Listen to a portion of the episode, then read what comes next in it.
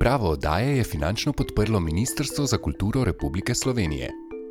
Tokratna oddaja se osredotoča na različne načine, na katere lahko govorci slovenščine kot uporabniki digitalnih jezikovnih virov prispevajo k njihovi gradnji in izboljšavi. Oddajo vodi Špila Arharholt. Drage poslušalke, drage poslušalci, dobrodošli v oddaji So pomenki. Danes se pogovarjamo o vprašanju, kako lahko uporabniki slovarjev in uporabniki jezika sodelujejo pri pripravi slovarjev. Z mano sta dva raziskovalca, ki se zelo aktivno ukvarjata z različnimi vprašanji uporabniškega vključevanja, Istok Kosem in Jaka Čibej. Oba sta zaposlena, oziroma vsi smo zaposleni v ekipi Centra za jezikovne vire in tehnologije kjer pripravljamo korpuse, slovarje in druge vire in podobno. Posebej se pa ukvarjamo tudi z uporabniškim vključevanjem. Kaj pravzaprav to pomeni, istok, in zakaj je to tako pomembna tema, ki se izplača posvečati? Ja, kot prvo moramo vedeti, da uporabniki so tisti, katerim so vsi ti viri namenjeni. Mm. Brez njih nimajo viri pravega smisla in Zato je tudi ključno, da se pri sami izdelavi, uporabi in vseh segmentih upošteva uporabniški vidik, in s tem je tesno povezano raziskovanje rabe, tako konkretnih uporabnikov, posameznih virov, in potem tudi širše, se pravi, jezikovnih uporabnikov, uh -huh. govorcev in govork slovenščine, katerih se vsi viri dotikajo. Ko govorimo danes o uporabnikih, ne govorimo nujno o nekih aktivnih uporabnikih, specifičnih slovarjev, ampak govorimo o govorcih, govorkah slovenščine na splošno. Se pravi, vsak poslušalec, vsaka poslušalka bo mogoče našla kakšno možnost za sodelovanje pri razvoju slovarja. Tako je. Sploh lahko rečemo, da so tu še potencijalni uporabniki, ker vedno se potem izkaže, da ko vir nekako objaviš in imaš pred očmi določene uporabnike kar naenkrat pristopijo k tebi ljudje in rečejo, tole je pa koristno tudi mm. za to skupino in še za koga drugega. In potem so tu še vsi ti uporabniki, ki pridejo. Ne? Vir mora nekako preživeti te generacijske mhm. spremembe, se pravi, zdaj delamo vire za tiste, ki so stari od vem, 21, ki je podobnega naprej, oziroma še celo mlajše. Potem so pa tu že uporabniki, kot so naše hčerke in sinovi v prvih razredih ja. osnovne šole, ki bodo te vire, upam, da uporabljali in enkrat tudi ponosni bili na nas. No, recimo, no. če se malo pošalim. Mogoče bi jaz tisto, kar sem še dopolnil, da danes v primerjavi z recimo iz. 30-40 leti nazaj, je veliko lažje dobiti povratne informacije od uporabnikov in vzpostaviti stik z njimi. No, in vsa komunikacija prek uh, spleta poteka, in nekako imamo vse na dosegu roke, in tudi oni imajo nas na dosegu roke. Tako da ta povezava je veliko lažje vzpostaviti kot včasih, ko je bilo tu treba no, si dopisovati, zbirati informacije na terenu in tako naprej.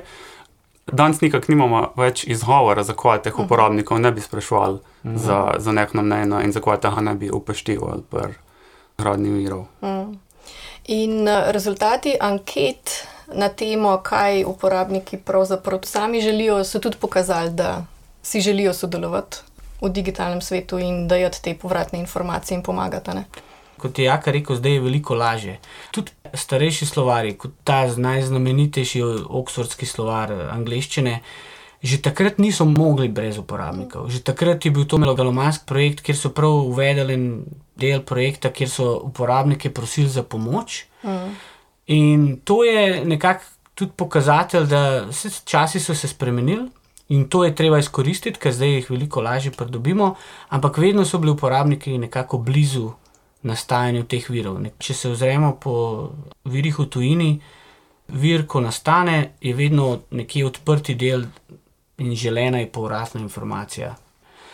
In potem, seveda, je kdaj še povratnih informacij preveč, in se nek, mm. nekje tudi soočijo, da morajo odpreti poseben oddelek za uporabnike, ki ga mhm. prej niso predvideli. Mhm. No, mi smo to že zdaj predvideli, ampak ja. nekje se potem naučijo, da zdaj je pa le dobro imeti tudi posebno ekipo, ki se s tem ukvarja. Se pravi, v digitalnem svetu, kot ste omenili, je vedno več možnosti za različne vrste sodelovanja, in tudi področje, ki se ukvarja z uporabniki, je vedno bolj bogato, ima vedno več različnih pristopov na voljo. In o tem se bomo danes pogovarjali in razložili poslušalkam in poslušalcem, kaj je razlika med uporabniškimi študijami, uporabniškim spremljanjem, uporabniškimi evalvacijami, množičenjem in katere druge oblike sodelovanja še obstajajo, recimo igrifikacija. Mogoče bi potem začeli z uporabniškimi študijami. Uporabniške študije so različne raziskave, naprimer ankete, intervjuji, običajno, v katerih ljudi sprašujemo, katere priročnike uporabljajo, kako jih uporabljajo, kaj pogrešajo, kaj jim je všeč.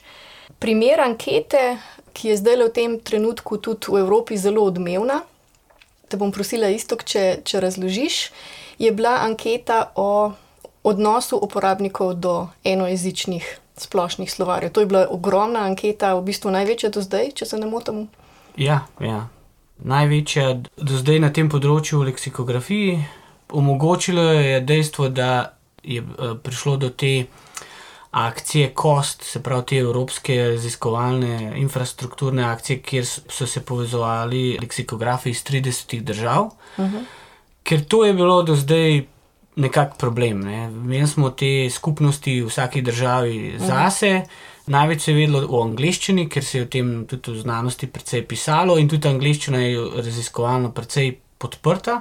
V ostalih državah je bilo pa bolj, mislim, tudi ko smo zdaj pregled naredili, se je videlo, da so mogoče z izjemo Nemčije, pa Poljske, ostale države precej podhranjene s temi raziskavami. No, in tukaj so se vsi raziskovalci povezali, seveda so potrebovali eno ekipo, da jih je malo združila, jaz sem to pobudo dal, ampak to je še zdaleč ni bil tako enostaven proces.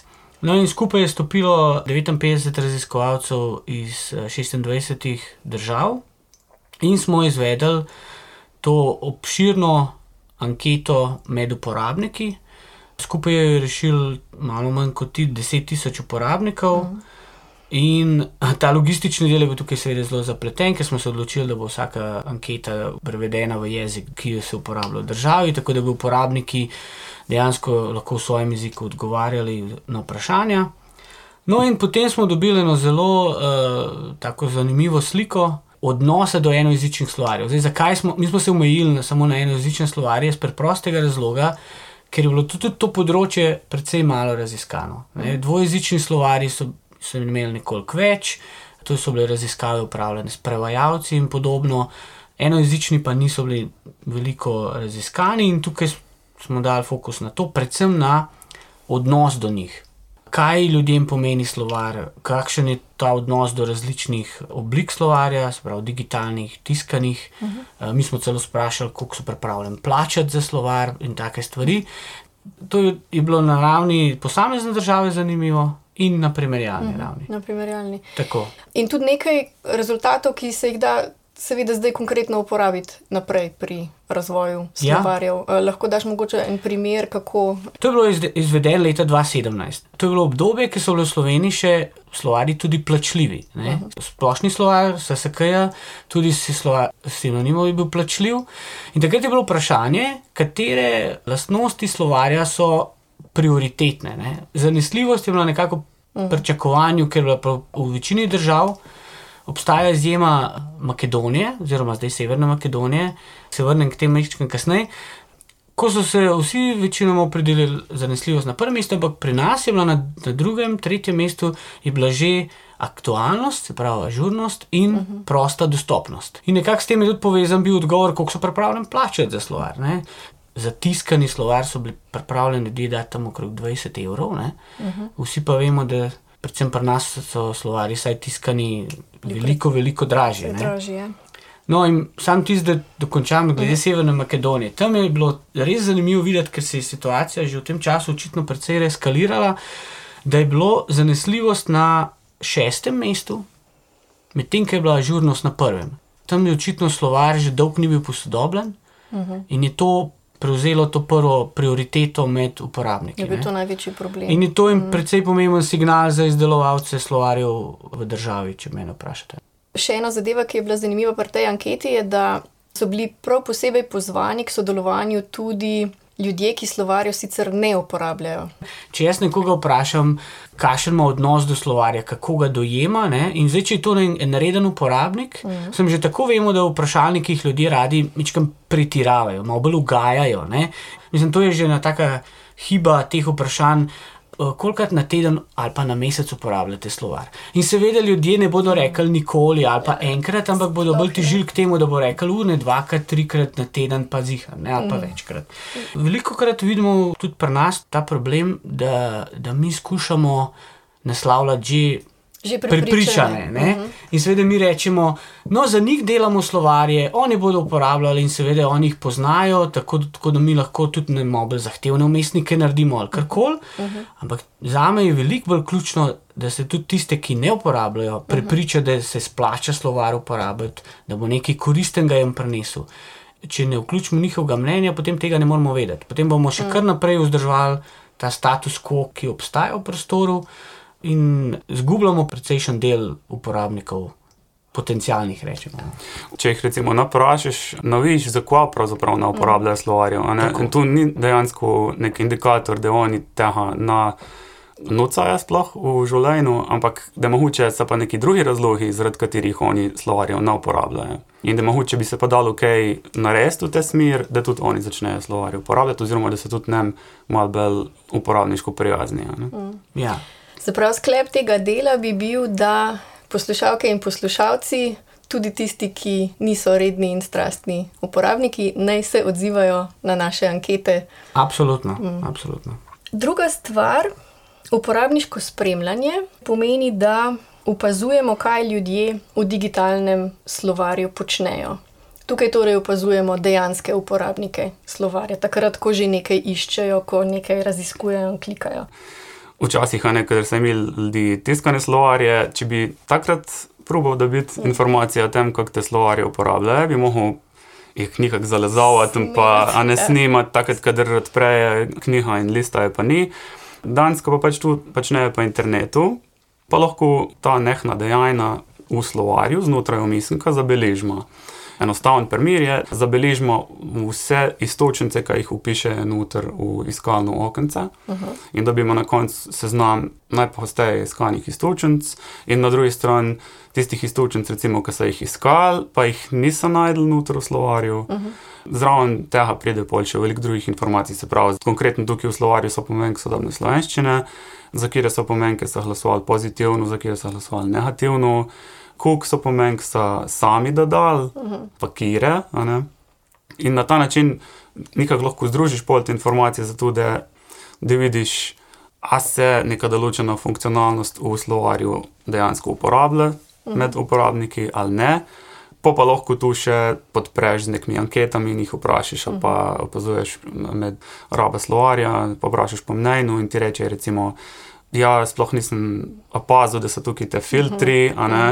In mogoče ti tu lahko da nek predlog, da bi tiste filtre ali malo bolj izpostavil, ali premaknil na, no, na, na druga pozicija v misinku in tako naprej.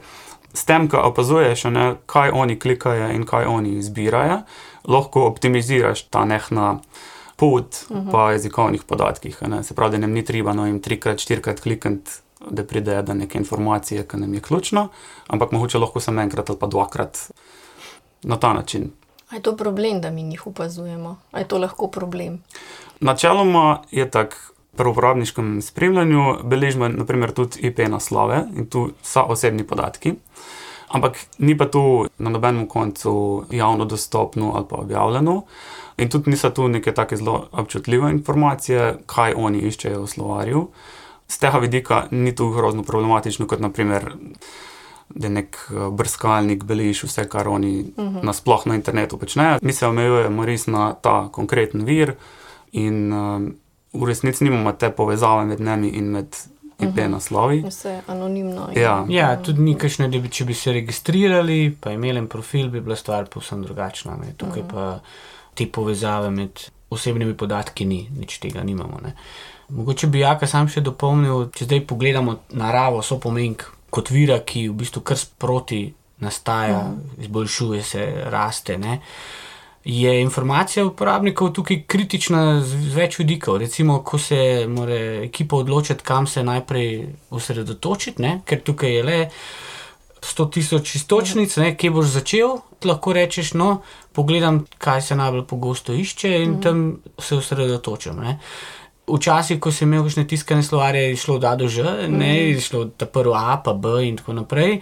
Tukaj zdaj absolutno tega ni več in, in imaš drug mehanizem, ki je veliko bolj učinkovit, ker lahko enostavno začneš pokrivati po korakih in zadovoljiš ta prvo tiste večinske potrebe in potem mm. skozi stopnjuješ. ne. Je boljša prioritizacija. Tako, tako vse, z vseh vidikov in optimizacija uporabniške izkušnje samega iskanja informacije. Ne, to je nekaj, kar niti selitev v digitalni medij ni še povsem rešila. Kako nekomu na najbolj enostaven način pripeljati ga do tiste informacije, ki jo želi. Mm. Ker tukaj je že ta vprašanje, kaj sploh želi. Ne, in mm. Če ga mi upremo z enostavnimi potmi do rešitve, je potem samo treba še ugotavljati. A je zdaj to res tako enostavno, kot je bilo načrtovano? Kje se za- Če se kje zalomi. A se kje zalomi, a se kje skrije, ker kot Jaka pravi, če, če so tri, štiri kliki do rešitve, je že nek preveč v digitalnem okolju. Ne? Kot vemo, uporabnik vtipka v Google, prvi deset linkov nekako klikne in če tam najde informacijo. Tam ne bi našel informacijo, no, bom tako rekel. In tukaj ni nič drugače, ne? tega se zavedamo in skušamo na ta način nasloviti. Mogoče dobiš neke druge informacije, kot pa če bi direkt te uporabnike spraševal. Kot prej, ki si rekel, jaz Ja, tako ne, ja. ja, kolikrat na teden uporabljate slovar, pa ti reče trikrat, štirikrat. Uh, tukaj dejansko vidiš, koliko ga je uporabil, pa kaj je s tem dejansko počel. Se pravi, dobiš to, kaj oni dejansko delajo znotraj slovarja, ne to, kaj si oni predstavljajo, oziroma kako bi se oni radi predstavljali, da uporabljajo Ja, ja, ta ja. slovar. O tem so v leksikografiji vedno potekale debate. Ne? Se pravi, kaj pomankljivost vprašalnika ali pa te metode spremljanja pogleda na zaslonu. Ne? Ko daš eno čudno napravo nekomu na glavo in potem rečeš, zdaj pa si predstavljaj, da uporabljaš slovar. Ne? Ker situacija je tista, ko uporablja slovar nekdo, ne vem, ko prevaja en tekst in je potem.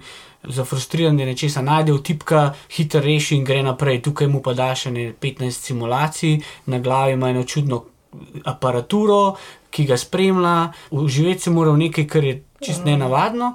In ta, ta beleženje v tem umetnem okolju nikoli ni tako učinkovito kot tukaj. In mislim, prednost tega je še to, da uporabniki se tukaj ni, niso mu treba posebej naprezati, da nam kaj skomunicira, ker mi to od njega dobimo posredno. Ja. Potem še ena, še ena metoda pridobivanja povratne informacije od uporabnikov so pa uporabniške evalvacije. Neka tretja pot, kjer uporabnike zberemo, eh, se dobimo z njimi in jim damo možnost, da se odzivajo, da evalvirajo, dokumentirajo konkreten slovarski izdelek. To tudi lahko poteka na različne načine, lahko jim damo nekaj za preizkusiti in potem oni post festum v obliki ankete ali pa nekega poročila povejo svoje mnenje. Lahko uporabljamo tako imenovane Think Aloud Protocols, Protokol glasnega protokol glasnega razmišljanja. razmišljanja smo to prevedli. To je tudi zelo zanimivo. Ne? Se pravi, na nek način je ta situacija bolj avtentična kot to spremljanje, eye tracking s čelado. Po drugi strani pa še zmeraj malo vodena in treba je neprestano uporabnika spodbujati, da medtem ko klika po slovarju, medtem ko išče, glasno komentira, glasno eh, ocenjuje. Po tem scenariju bi nam recimo povedal, klikam, klikam, nimam pojma, kaj je to. In potem ga še spraševalec, recimo, vpraša, ne vem, ste opazili filtre, poskusite še tukaj. In to je na nek način najbolj osredotočena informacija, ki jo lahko od uporabnikov dobimo, ampak je pa zelo naporna za analiziranje. ne. Ja, ampak če dobiš eno informacijo s spremljanjem teh tiskanj v slovarju, je eno. In potem tukaj je še ta drugo, kjer lahko mogoče se osredotočiš na poseben segment slovarja, ki ga sam želiš raziskati. Uh -huh. In mogoče dobiš povratno informacijo, da zakaj nekaj ni uporabljeno tako, kot ti pričakuješ, ker, ker ti bodo ljudje na glas povedali, tega pa sploh nisem opazil ali pa kaj podobnega. In mislim, da te kombinacije, se tudi um, vprašalniki, kritizirani, kakor so, za kakšne stvari so zelo uporabni. Uh -huh. Moramo priznati tudi te mednarodne raziskave, vse se ne moramo. Predstavljati, da bi drugače izvedel, ker tako dostopaš na hitro, bolje je ključno, da veš, kakšne vprašanja so takrat relevantna. Ne? Ker kakšne vprašanja so primerna za vprašalnike, druga malo manj. In tam je treba uporabiti pač te izkušnje, ki so bile do zdaj nabrane v mednarodnem prostoru in nekako sestaviti vse to v eno celoto. In kar bi jaz mogoče še izpostavil kot eno prednost teh evalvacij, je to, da ni nujno, da se tu opravlja na koncu, se pravi, takrat, kadar je slovar že čist izdelan in objavljen, ampak lahko recimo nam daš neka alfa ali pa beta različica za, za sprobat, pa lahko še pridn ti slovar objaviš. Prilagodiš glede na tisto povratno informacijo, ki si dobil. Ker recimo pri tistem uporabniškem spremljanju, ki smo prej govorili, da beležiš, ko oni delajo v slovarju, tu se lahko dela takrat, kadar je slovar dejansko že na voljo v večjem številu. Ne. Za vprašalnik je mogoče tako, da je bolj za neka mnenja, kva si oni mislijo. Tu je pa pol tisto, kar lahko že v te umestni stopen uporabiš, se pravi, takrat, ko si, si sred razvoja slovarja in bi rad pač dobil ta informacija. Ko bereš literaturo, vedno ljudje pišejo, da to so ti idealni scenariji, mm. ki jim potem marsikateri založniki ne sledijo, ker ne bi bilo tako, da na ti narediš ta prvo raziskavo, da raziščeš, kakšne uporabnike sploh imaš, pa kakšne so potrebe, potem šele zasnuješ slovar, njim pisan na kožo, potem slovar prepravaš, testiraš in mogoče še kakšne popravke daš in ga objaviš. Ampak je v realnosti se razvoj, potem da, ni več tako, ni Mm. vedno tako izkazal. Eh, Čeprav zdaj digitalni mediji pa ravno to precej bolj enostavno omogoča in vidimo, da marsikateri inštituti po Evropi se potem tega lotevajo nekoliko bolj sistematično, kar je seveda treba pozdraviti. No. Je pa tudi pri teh evalvacijah treba izpostaviti, da je treba imeti pred očmi različne uporabniške skupine. Ne? Ker recimo nekaj, kar je uporabno ali pa zanimivo ali pa relevantno za učitelja slovenščine, mogoče ne bo za prevajalca ali pa za lektorja. Se pravi, je treba različne uporabniške skupine reprezentirati pri teh raziskavah. Ja, to je kar izziv, zato ker ponovadi zelo pogosta besedna zveza v literaturi je splošni uporabnik uh -huh. Ja. in tega dejansko ni. Ne. To Ja. ja. je en fiktivni uporabnik, ker vsaka skupina ima svoje specifikacije.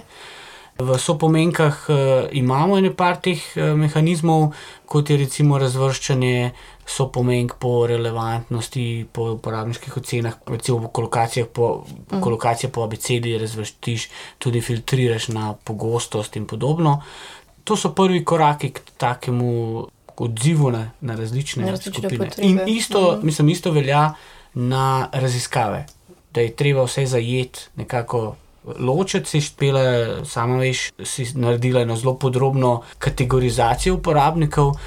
Če si to, poslušalci to pogledajo oziroma preberijo, se vidi, koliko različnih mikroskupin znotraj teh uporabnikov obstaja. Že, če rečemo, da imamo uporabnike v izobraževanju, nikakor ne moremo enačiti mm. učitelje in šolarje. Mm. In tudi šolari so različni, osnovnošolski, srednješolski študenti. Mm. Skratka, vedno je treba upoštevati te specifike. In če bi kdo od poslušalcev želel sodelovati kot evalvator na Centru za jezikovne vire in tehnologije, ima to možnost. Ja, vsega bomo zelo veseli. Najboljše je, da grejo na spletno stran Centra za jezikovne vire in tehnologije, kjer imamo tudi možnost, da se lahko prijavijo na enovice. In lahko tam obklukajo, da jih zanimajo uporabniške evalvacije, ni tu zdaj nič pravno zavezujoče, a ne pa skrivil podpisano, ampak lahko nam pač sam sporočijo, da so zainteresirani in kadar bomo mi imeli kakšen tak projekt, da bomo evalvirali nov vir, jih lahko kontaktiramo, če so zainteresirani in pol. Se nam lahko javijo, lahko pa tudi ne. Mm. Smo pa res čisto vsa veseli, ne glede na ozadje, nivo jezikovnega interesa ali ne vem, karkoli. ne. Zato, ker se nam res res zato, da pokrijemo čim več različnih skupin, tako kot je rekel Istok. Naslednja stvar, ki jo lahko še razložimo, je množičenje, oziroma po angliško crowdsourcing. Množičenje pa v bistvu pomeni, da eno od nalog, ki bi jo sicer po tradicionalnem modelu verjetno opravil leksikograf, pripravimo na tak način, da pri njeni izvedbi lahko sodeluje širša javnost. To pomeni, da uporabniki, govorci, govorke v bistvu pomagajo leksikografom opravljati njihovo delo. Ponovadi gre tako premnožičeno, da imaš neka, tako kot si rekla, ne, neka kompleksna naloga in ti je pol razbiješ na take zelo mehke koščke, ki so obvladljivi in pa izvedljivi tudi za, da rečem temu, nestrokovnjake, a ne? v tem primeru ne leksikografe. In oni te uh, mičkane kuščke, mičkane naloge lahko rešujejo in s tem, ko mi zbiramo te informacije v zelo velikem številu, lahko te informacije pa združimo in razrešimo v resnici ta kompleksna naloga, ki je bila v izhodišču. Ne.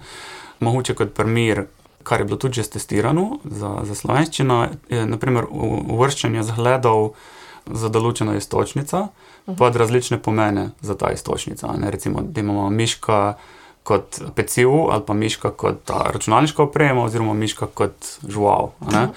In da imamo pač nek stavek, kudr se pojavlja ta istočnica miška. In zdaj v slovarju mora biti tu pa to pravim pomenom, mm. da ni tam, kudr govorimo, žvali zgled za peciv in tako naprej. Se pravi, če si predstavljam, da imamo cel slovar, kudr moramo ogromno teh zgledov razvrstiti, mm -hmm. lahko pač vsakmu uporabniku damo en tak zgled in ga sam vprašamo, povej, prosim, pa kjer pomen spada istočnica v tem kontekstu, v tem stavku. In tu mislim, da so pač uporabniki, kot rojeni govorci slovenščine, čist sposobni presust, a gre tu za pecivo, a gre za mm. računalniško opremo in tako naprej. In zaradi tega, ker je teh uporabnikov zelo velik, se to delo nekako razprši in je lahko narejeno v veliko krajšem času, kot če bi to delal samo en leksikograf ali pa mogoče dva, bi trajalo kar dolgo, da, da vse te mm. zglede razvrstimo. Kaj se pa zgodi, če uporabniki pri množičenju ne vejo pravega odgovora? Načeloma to ni nevarnost, ne? takrat, ko imaš množičenje organizirano na tak način, da funkcionira. Tudi mm. na to so vsi tisti, ki so se že z množičenjem ukvarjali, pa mislim. In imaš različne načine, kako lahko preveriš, ali so nehni odgovori zanesljivi ali niso. Načeloma ima izmeri možnost, da klikne, recimo, da ne poznajo odgovora, oziroma da niso prepričani. Pa je tako, ni tako, da bi en uporabnik rešil eno nalogo in pol bi bilo to tu. Ne? Ampak izmeri tako, da več uporabnikov reši isto nalogo in lahko pol te odgovore primirješ in vidiš, no, in če se vseh deset strinja, da je neki ja, pa da je neki ne je to že indikator, da je očitno gre za nek konsens. Če imaš pa polkon različnih odgovorov, pa da je polkon enega dvoma, pa lahko rečeš v redu, tu je treba očitno pol še naprej delegirati, mogoče komu, ki ima več znanja ali pa se na to bolj spozna. Uh, ampak načeloma je tako, ja, da če imaš pravilno zastavljeno že na začetku, da je taka naloga, da je obvladljiva mm. in da imaš te mehanizme vzpostavljene, se pravi, da računaš, da boš pregledal na koncu, kako se te uporabniki med sabo ujemajo in tako naprej, pol tu ni nevarnost. In množičenje je masivno sodelovanje, čim več sodelujočih, tem boljše rezultate dobimo. Na drugi strani pa lahko uporabniki sodelujejo individualno v obliki mogoče kolaborativnega slovaropisja. Kolaborativni slovari so tisti, ki nastajajo s pomočjo uporabnikov in uporabniki pišejo tam recimo lahko celotna gesla. En simpatičen primer takšnega vira imamo za slovenščino, to je razvezani jezik, podobno kot uh, Urban Dictionary za angliščino, se pravi, slengovsko izrazje, uh, žargonizmi, tudi kakšne regionalne stvari, pa kakšne zanimivosti jezikovne, inovativne. Recimo, jaz sem si tukaj izpisala par primerov. Slanarija je slan prigrizek, najpogosteje nezdrava hrana. Uh, ob pivu ali pred televizorjem lahko oboje hkrati, se pravi, slana svinjarija, mm -hmm. to se mi zdi zelo simpatično. ja. Ali pa recimo rojevati ježa, počasno, mukotrpno izražanje ali izdelovanje nečesa, naprimer, dijak rojeva ježa pred tablo. To, to je skratka še ena možnost, da uporabniki prispevajo, in ta je najbrž že zelo povezana z našo zadnjo temo, in to je igrifikacija, kjer um, se pa trudimo, da bi uporabniki sodelovali na tak način, da bi pri tem tudi sami uživali. Ta kolaborativna je bolj um, pokaženo potrebo. Oziroma, manjko v skupnosti. Ne? In tukaj se uporabniki sami odločijo, da bodo glede tega nekaj ukrenili, In so take zanimivosti, ki jih najbrž, mislim, meni so zanimive, ker jih ne slišim mm. pogosto, ne, je pač eh, zelo omejena raba, ampak eh, smo imeli eh, tale kviz mm -hmm. ravno na Liberaku nedavno, mm -hmm. ko smo imeli eh, študente razdeljene v skupine in so morali naštevati eh, so pomenke, za, mislim, da smo imeli zžur. In, Zabava, ja, tako, ja. in potem so bile tam besede, ki so bile iz določenih delov Slovenije, ki jih jaz nisem poznal, ampak. Se prav zanimivo je, ko, ko takrat ne, vsi mi eh, domnevno vse vedni leksikografi se učimo mm. novih stvari.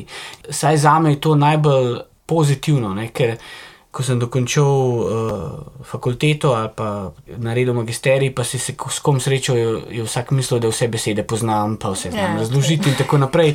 In je le vidno lepo, ko ste domečkam postavi eh, na trdna tla in pa ti pokaže, da ti tudi česa ne veš. In mislim, da je to dobro, da se pokaže. Zato tudi včasih kakšen uporabnik bo prispeval en del, en košček tega znanja, ki smo ga mogoče mi, ga nismo v vir še vključili in podobno. Ne. Igrifikacija, ne. In to je pa ta del, ko se dotika tega vprašanja, slovenščina ni tako priljubljena ali Predmet, z- z- ja, ni kot predmet, se pravi v šoli.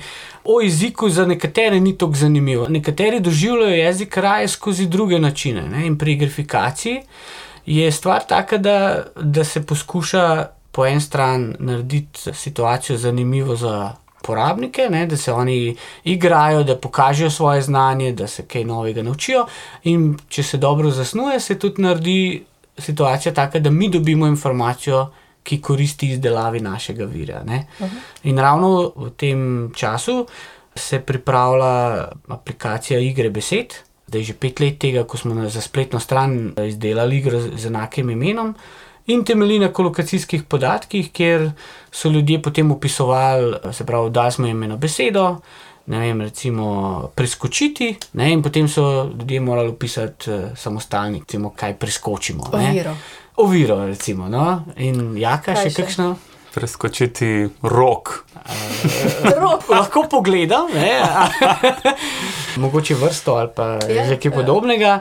Ampak na ta način, če recimo govorimo o podatkih, ki še nismo utegnili pogledati, pa špela reče, da preskočimo oviro, pa še deset uporabnikov to napiše, na sto uporabnikov dobivamo povratne informacije o teh podatkih, ki jih morajo leksikografi na sto tisoče pregledati. Ne? Če že uporabniki svoje znanje prek tega skomunicirajo in se ob tem še zabavajo, je v bistvu zmagamo vsi, bom rekel. Ne? In uh, ta del trenutno v Sloveniji še ni bil prisoten. Ne? Imamo nekaj iger, imamo ta besedovnjak, imamo zdaj ta besedni piknik, ampak ostaja na ravni črk, ne? sestavljajo iz teh črk besede. In to je do neke mere v redu, ni pa še na, na zadosti teh potreb naših ja. za izdelavo virov. Recimo, Ni ne. cilj potencial. Ja. ja. Če bi hotel kdo razvijati jezikovne igre za slovenščino, se javi. Ja, definitivno. Naj, ja. naj, Se naj te- nas kar takoj kontaktira. Mislim, tukaj se tudi dotikamo širše, širšega poslanstva CVT-ja. ne. Namreč naši viri so odprti ne, in vsak, ko želi vir uporabiti, tudi če bo izdelal eno drugo igro, ki je mi se še nismo spomnili, to bo koristilo uporabnikom. In če je to korist uporabnikom, smo mi tudi veseli in to podpiramo. Jaz bi mogoče sem še tu povedal, da zdaj smo govorili, koliko je teh podatkov in koliko jih je treba prečistiti. Mogoče izpade, da je to neka taka naloga, ki smo mi malo zelo optimistični, da se to da narediti, tudi iz vsa igrifikacije in množičenja in tako naprej. Ampak recimo konkretno za slovar so pomenk, zbrav v slovari so pomenka, ne se mislim, da smo že v drugih oddajah rekli, se da ocenovati, so pomenke kot ustrezne oziroma neustrezne. In če bi tli recimo za vsaka so pomenka zbrati tri glasove, In glede na to, da nas je do zdaj, se pravi od marca 2018, ko je bil slovar izdan, obiskalo tam okoli, mislim, 37-38 tisoč obiskovalcev, recimo, različnih IP naslovov smo tukaj zabeležili. In če bi sem četrtina teh sodelovala v eni taki igri, kot si rekel, istok, Mhm. bi lahko vsak špilet, mislim, da 10 minut in bi bil cel slovar spucan. No, upam, da so poslušalci to Ja, ja, mislim, da se zato popravimo, ne? da, da to ni neka taka nemogoča naloga. Ko velikrat pri tem množičenju, mogoče zaradi tega, ker se pač reče množičene in ljudi pričakuje, da tu rabiš zdaj milijone in milijone ljudi za to, da nekaj tazga lahko uspeleš, ne? in da slovencev nas je tako premalo za to. Ampak ja, no, nas ni, ne? številke kažejo, da nas ni. Sam moramo biti pa motivirani in pripravljeni. Tisti, ki je motiviran, pa pripravljen, naj se nam oglasi. Oglasi in da bomo veseli. Ok, super. Jaz mislim, da lahko na tej točki zaključimo današnji pogovor. Jaz upam, da so poslušalke in poslušalci izvedeli kaj novega in da smo jih tudi malo motivirali za različne vrste sodelovanja. Hvala, isto kinjaka. Hvala.